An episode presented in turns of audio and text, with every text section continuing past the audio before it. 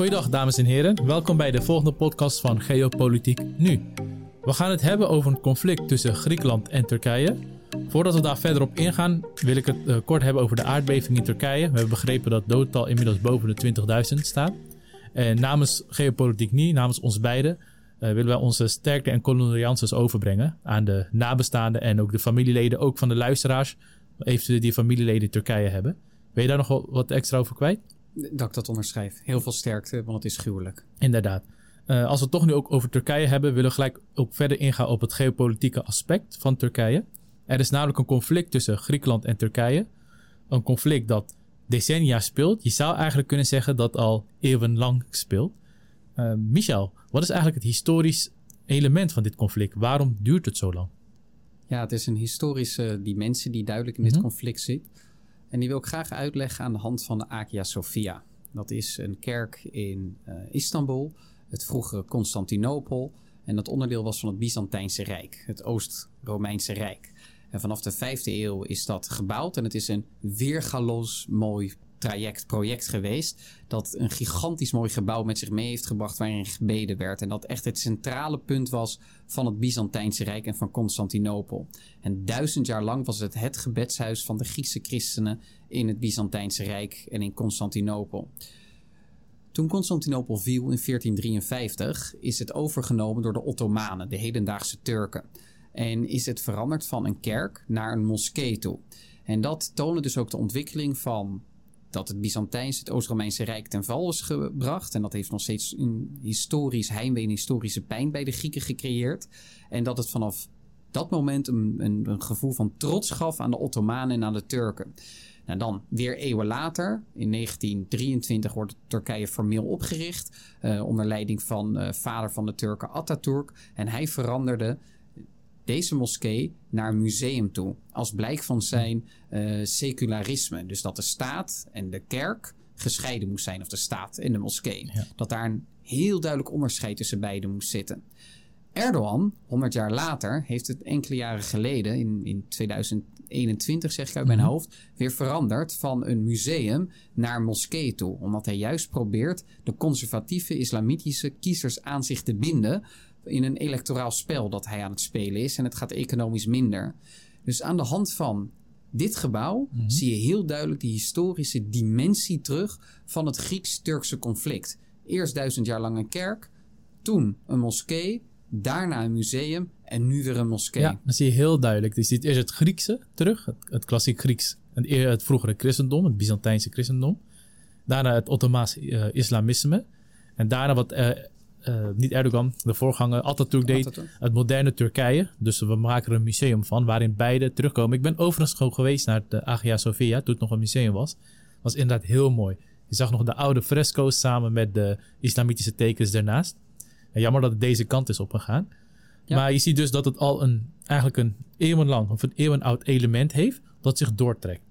En waarbij, dat heel veel pijn zorgt. En ook. dat ook voor veel pijn zorgt. En waarbij onderstromen het wat conservatieve gedachtegoed nu weer de bovenstroom wordt. Ja. En het politiek voor het zeggen heeft. Oké, dat is dan één element. Als we dan doortrekken naar de moderne tijd. Hoe eikt zich dan nu? Wat zijn de eisen die Turkije op tafel stelt om alsnog dit conflict ja, uh, ja, vuur te geven, brandstof te geven? Ja, het, neemt, het hedendaagse conflict neemt verschillende vormen aan. Er zitten immateriële zaken aan, zoals het veranderen van een museum naar een moskee toe. Maar ook keihard materiële zaken, zoals het instrumentaliseren van de migrantenstroom. Waarmee Turkije in 2020 en ook in de jaren ervoor en in de jaren erna probeert Griekenland heftig onder druk te zetten.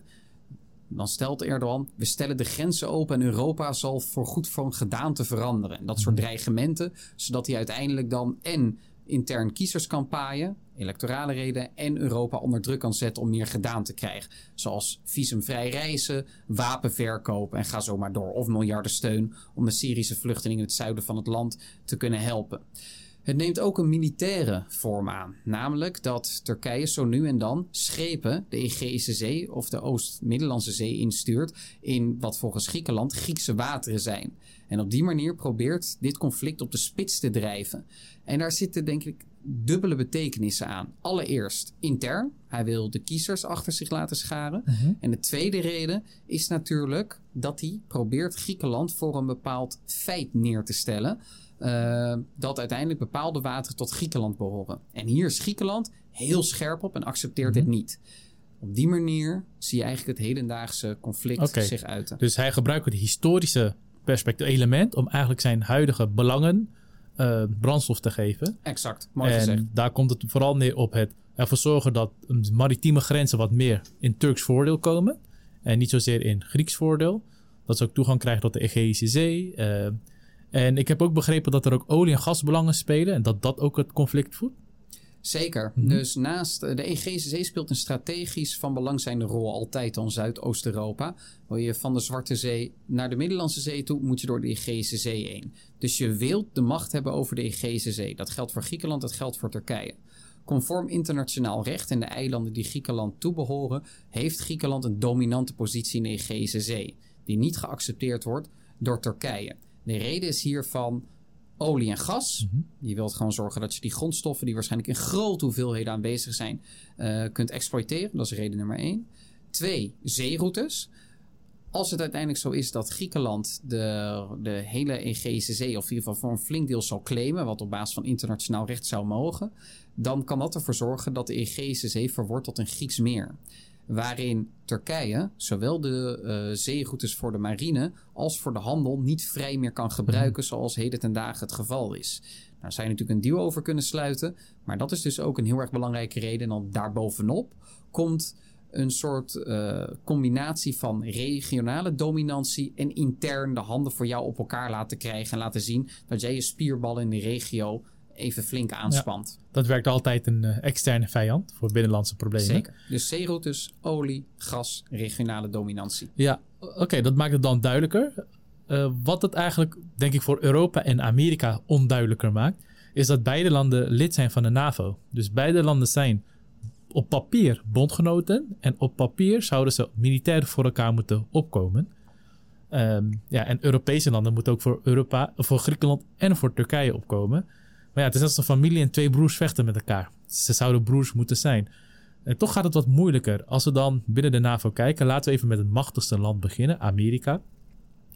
Ja, hoe kijkt Amerika hier eigenlijk naar? Dat twee van zijn bondgenoten met elkaar in de clinch liggen. Dat is heel moeilijk voor Amerika. Van oudsher, vanaf de jaren 50 bedoel ik met van oudsher, hebben Amerika en Turkije heel hechte banden. Bilaterale wereld, Sovjet-Unie versus Amerika. Turkije staat voor de keuze en kiest voor Amerika, anders had het in de Sovjet-invloedssfeer gevallen. Tot en met de jaren 80, 90 gaat dat goed.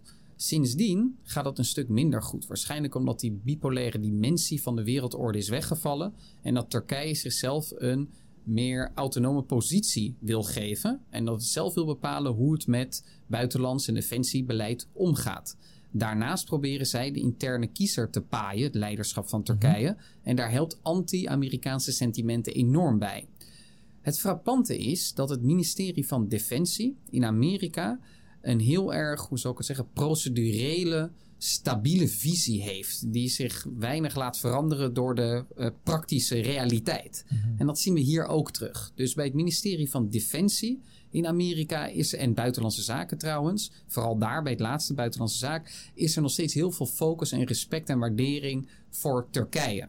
En wil heel erg graag dat Turkije gebonden blijft aan het Westen. En uh, zie daarom wel heel veel zaken door de vingers.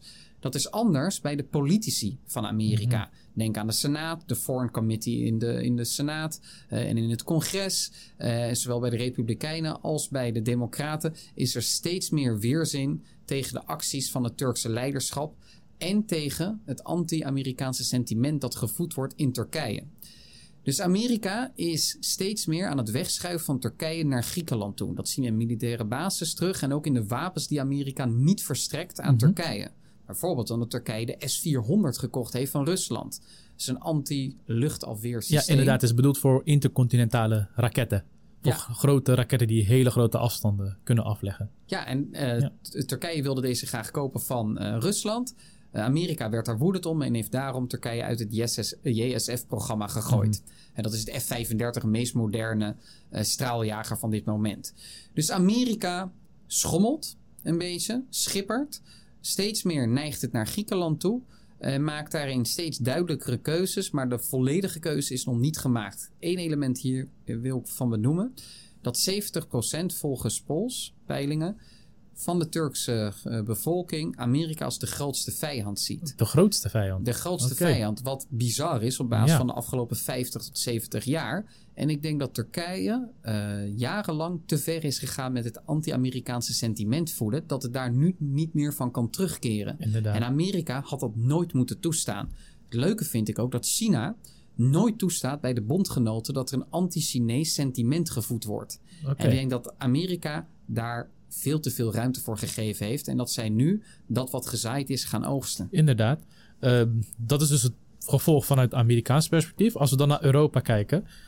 Ja, vaak wordt gezegd de twee voortrekkers van Europa zijn Frankrijk en Duitsland. Uh, hoe kijken zij naar dit conflict? Hebben ze gelijke belangen of uh, irriteren zij zich ook aan, uh, aan elkaar?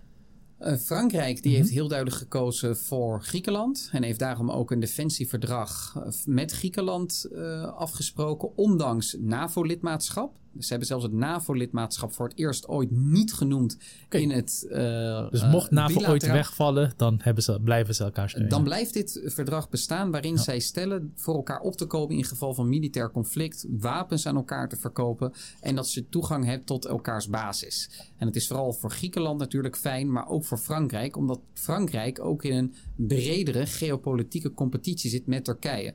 Bijvoorbeeld in het westen van het Midden-Oosten, dus in het gebied rondom Libanon, Syrië, ga zo maar door. In de Sahelregio en in Noord-Afrika is Frankrijk in competitie met Turkije. En zo ook in het zuidoosten van Europa en de Middellandse Zee. Dus Frankrijk kiest heel duidelijk en doortastend. Dat geldt niet voor Duitsland.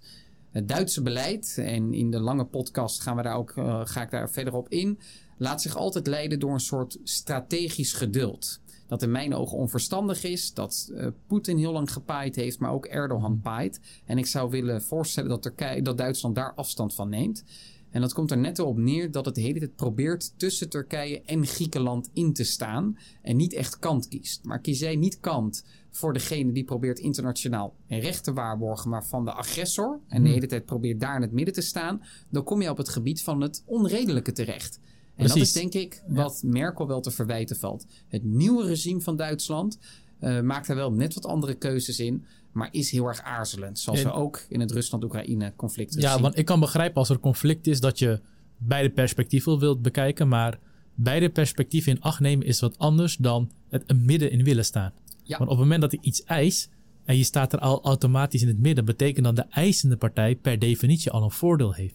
Dat heet nu ook salami-slicing. Dus je kan wat eisen en je hebt sowieso al gelijk een voordeel, omdat er al vanaf het midden wordt uh, ja, beredeneerd. Ja, daarom ja. denk ik echt dat het van belang is dat de Europese Unie, Duitsland met name, mm -hmm. even afstand neemt van zwaar economische belangen.